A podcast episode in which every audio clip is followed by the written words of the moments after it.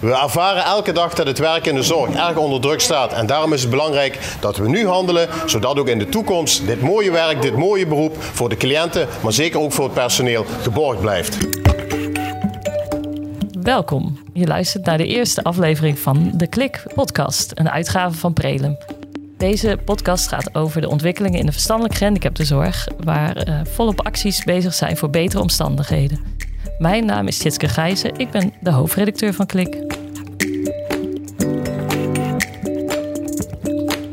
Leuk dat je luistert. Vandaag gaan we het hebben over de problematiek in de gehandicaptenzorg. Aan tafel zitten daarvoor uh, Henk Haanraads van Dichterbij. Goeiedag. En Bert Impelmans van Daalzicht. Hallo. Zij zijn beide van de ondernemingsraden van uh, deze grote organisaties in Limburg. En zijn een actie gestart. Wij willen gezien worden.nl. En vandaag willen we van hen horen ja, van waar deze petitie en ja, wat is jullie achtergrond in de verstandelijke gehandicaptenzorg.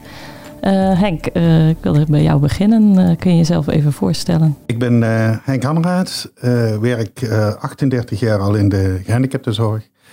En we zijn deze actie gestart omdat we het broodnodig vinden dat er veranderingen komt in de gehandicaptenzorg. Ja, en ja, wat is jouw achtergrond? wat voor soort werk heb je gedaan of doe je nog? Ik ben begeleider binnen een behandelsetting binnen dichterbij. Een, een klein onderdeel van van dichterbij. Oké, en ja, toen je begon, uh, kun je schetsen hoe het toen was en uh, nu uh, door de jaren heen is geworden? Oeh, dan moet ik ver terug in de tijd. En toen ik begon, was het. Ik ben begonnen in een klein dagverblijf.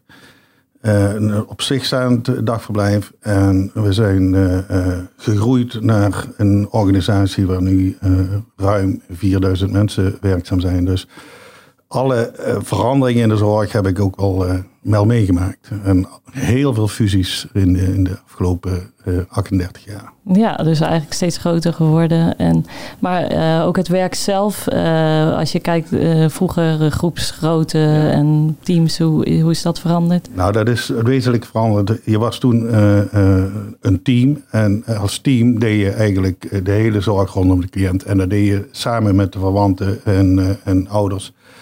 En uh, ja, je regelde alles. Je, je, je, zorgde eigenlijk voor het hele hebben en houden van, van de cliënt. En dat deed je met ouders heel kort en nauw samen. En die verbondenheid die is langzaamaan wel veel uh, minder geworden. Er is veel meer afstand gekomen. En de verbindingen ja, die, die zijn ja, toch wel afgenomen. Het is nu veel meer afstand ontstaan. Ja, en hoe is dat bij jou? Bert uh, van, bij. Is dat uh, hetzelfde verhaal? Of uh, kan jij even vertellen wat jouw achtergrond is en ervaring daarbij? Mijn achtergrond is dat ik zelf ben ik werkzaam binnen intensieve groepen. en dan moet je denken aan cliëntelen met gedragsproblematieken. En psychiatrische problematieken is eigenlijk eerder primair en dat het secundair de verstandelijke beperking is. Daarmee geef ik dus nu eigenlijk ook al aan hoe het zorglandschap aan het veranderen is. Uh, daarbij ben ik dan, uh, mag ik de voorzitter zijn van de ondernemingsraad van uh, Taalzicht. En antwoord op je vraag van, dat er inderdaad heel duidelijke overeenkomsten zijn. Hetgene wat Henk net geschetst heeft. Ja, ja, dus ook eigenlijk van, van kleinschalig naar steeds grotere schaal en meer afstand in de zorg, wat je merkt. Nou, wat je heel duidelijk ziet is van dat bijvoorbeeld ook de woonprofielen zijn enorm veranderd als je nagaat dat ik werk uh, binnen een setting waar iedereen, wellicht zeg je dat wat ZCP 7 heeft, maar ook meer. We hebben, de, we hebben zelfs drie personen met meer zorg. En dan zit je in een setting van tien cliënten met een team van veertien personen. En dat wil ook wel wat zeggen van, van, van ook het acceptatievermogen van de cliënten, van dat zoveel mensen die zorg bieden. En we bieden goede zorg. Maar het geeft wel aan van dat het groter en complexer is geworden. En voorheen hadden we kleinere, hadden we kleinere teams en kleinere woonprofielen. Dan moest je denken aan vijf, zes personen. Ja, ja. en uh, ja, uh, jaren terug uh, is er juist actie gevoerd, omdat de instellingen eigenlijk heel massaal waren. En ja, dat was in, eind jaren 70, 80 is er, is er, gingen begeleiders ook op de barricades, wat jullie nu dus ook weer doen. Maar toen om de zorg dus kleinschaliger te krijgen. En nou ja, die beweging willen jullie nu opnieuw maken. wat was voor jullie het punt waarvan je dacht van nou, nu is het tijd voor actie, dit kan niet meer? Nou, de, de, het punt dat we in deze actie zijn begonnen is, gewoon dat we zien dat dat er steeds minder personeel te krijgen is. En dat de, de, werkdruk steeds hoger wordt. ziekteverzuim gaat daardoor omhoog. En er wordt steeds meer verwacht van de medewerkers, ook op, op administratief gebied.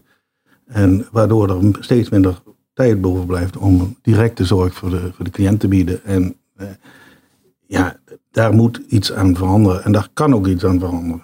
Daar, daar, ben ik vast van overtuigd. Als we met alle partijen uh, de juiste dingen willen gaan doen, dan, dan kan er best wel uh, uh, een verandering plaatsvinden. Ja, en Bert wil daarop inspringen, zie je. Ja, ik wil er nog iets aan toevoegen. Ik wil vooropstellen ehm, dat we ons bewust moeten zijn dat er hele goede zorg geleverd wordt. Die wordt er geleverd. Maar wij willen dat dat geborgd is en, en, en blijft.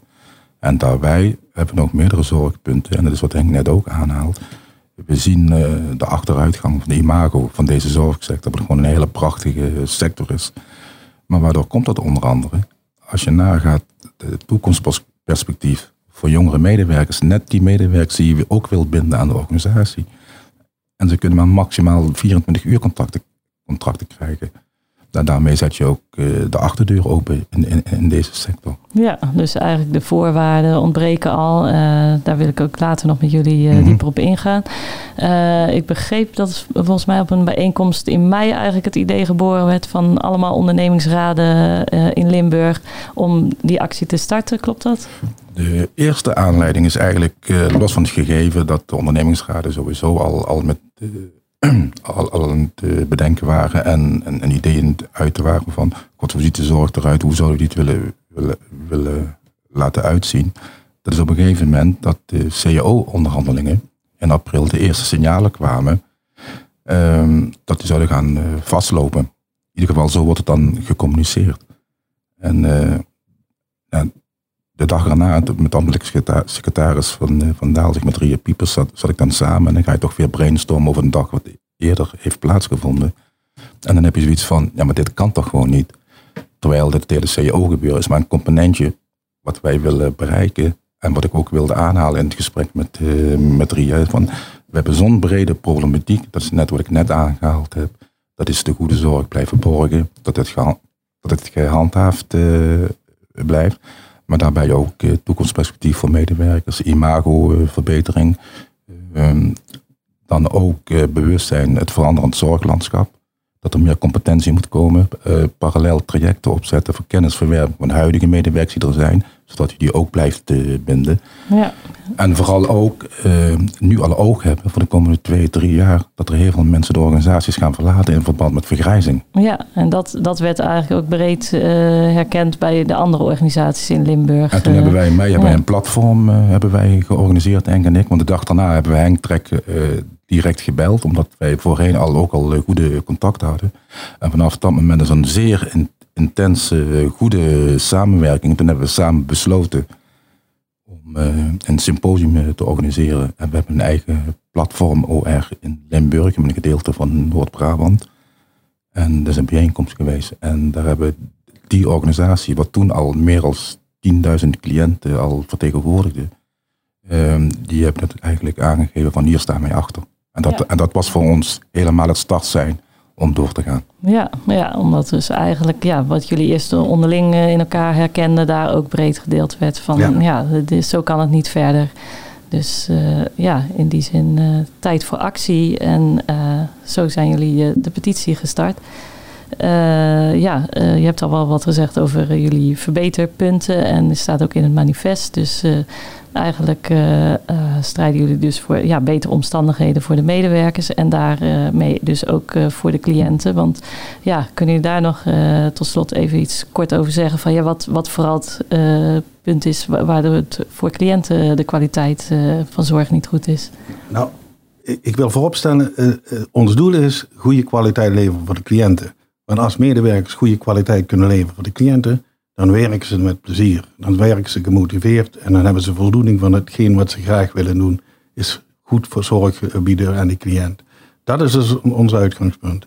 En wat wij nu zien, is dat er te weinig, in elk geval, een verminderde zorg aanbod komt naar de cliënten, omdat er steeds meer bij komt.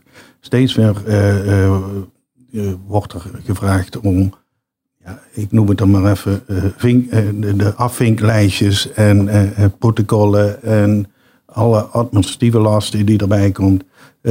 Te weinig personeel, roosters die niet dicht krijgen. Ehm, ja, noem maar op. Het alleen werken op een groep. Dus niet kunnen sparren van hetgeen wat je doet. Nou ja, ik denk dat dat invloed heeft op de kwaliteit van zorg. En, en wij vinden de cliënt beter verdient. En om, omdat op de zorg is gewoon een fantastisch zorg en, die je kunt bieden. En dat moeten we ook behouden. Nou, dat is een uh, mooie afsluiting uh, van deze eerste aflevering van de Klik Podcast. Samen met Henk Haaraads en Bert Impelmans praten we hierbij in deze aflevering over ja, vooral hun achtergrond en motivatie voor de actie voor betere omstandigheden in de verstandelijk gehandicapte zorg. En de volgende afleveringen zullen we met hen dieper ingaan op de personeelsproblemen en de administratieve lasten in de verstandelijk gehandicapte zorg. Um, heb je daarvoor ideeën, vragen en feedback of reacties op deze eerste aflevering? Stuur deze dan naar redactieapenstaatjeklik.org. En wil je op de hoogte blijven van de volgende afleveringen? Abonneer je dan op ons kanaal. Bedankt voor het luisteren. Uh, mijn naam is Tjitske Gijzen, uh, hoofdredacteur van Klik. En graag tot de volgende keer.